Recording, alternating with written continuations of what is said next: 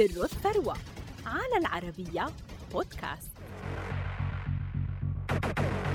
تميزت ليندا ريزنيك بقدراتها التسويقية ثم انتقلت من مروجة ناجحة في التسويق إلى مليارديرة تتربع على ثروة تقدر بثمانية مليارات دولار صنعتها بكفاءة خلال مسيرة مهنية امتدت لنحو خمسين عاماً فما سر هذه الثروة؟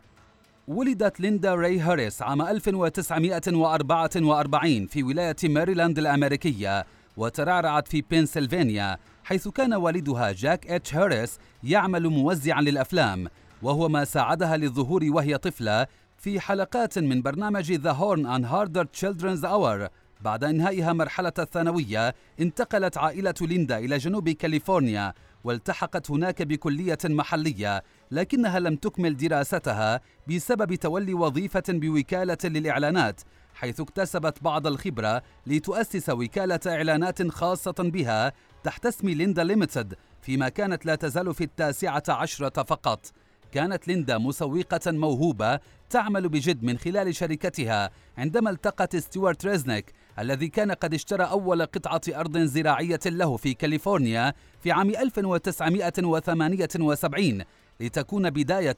لتأسيس عملها في المنتجات الزراعية حيث تشاركا في شراء شركة تيليفلورا لتوزيع الورود وتوصيلها إلى المنازل في عام 1979 في ذلك الوقت تزوجت ليندا من ستيوارت وتخلت عن وظيفتها الإعلانية لتصبح نائب الرئيس التنفيذي للتسويق في الشركة ورئيسا لها في النهاية. خلال عملها في الشركة عرفت ليندا بحملات إعلانية لا تنسى واستراتيجيات تسويق رائدة مثل Get Crackin' للترويج للفستق و Flowers in a Gift التي فازت بجائزة إيفي الذهبية. كما شاركت في تأمين رعايات تلفزيونية رائدة ونالت حملاتها الترويجية تكريمات وجوائز محلية عدة. إلى أن أصبحت رئيس مجلس إدارة الشركة في عام 1986 لاحقا نمت أعمال الزوجين وقاما معا بشراء العديد من الشركات وأعادا تسمية جميع مقتنياتهما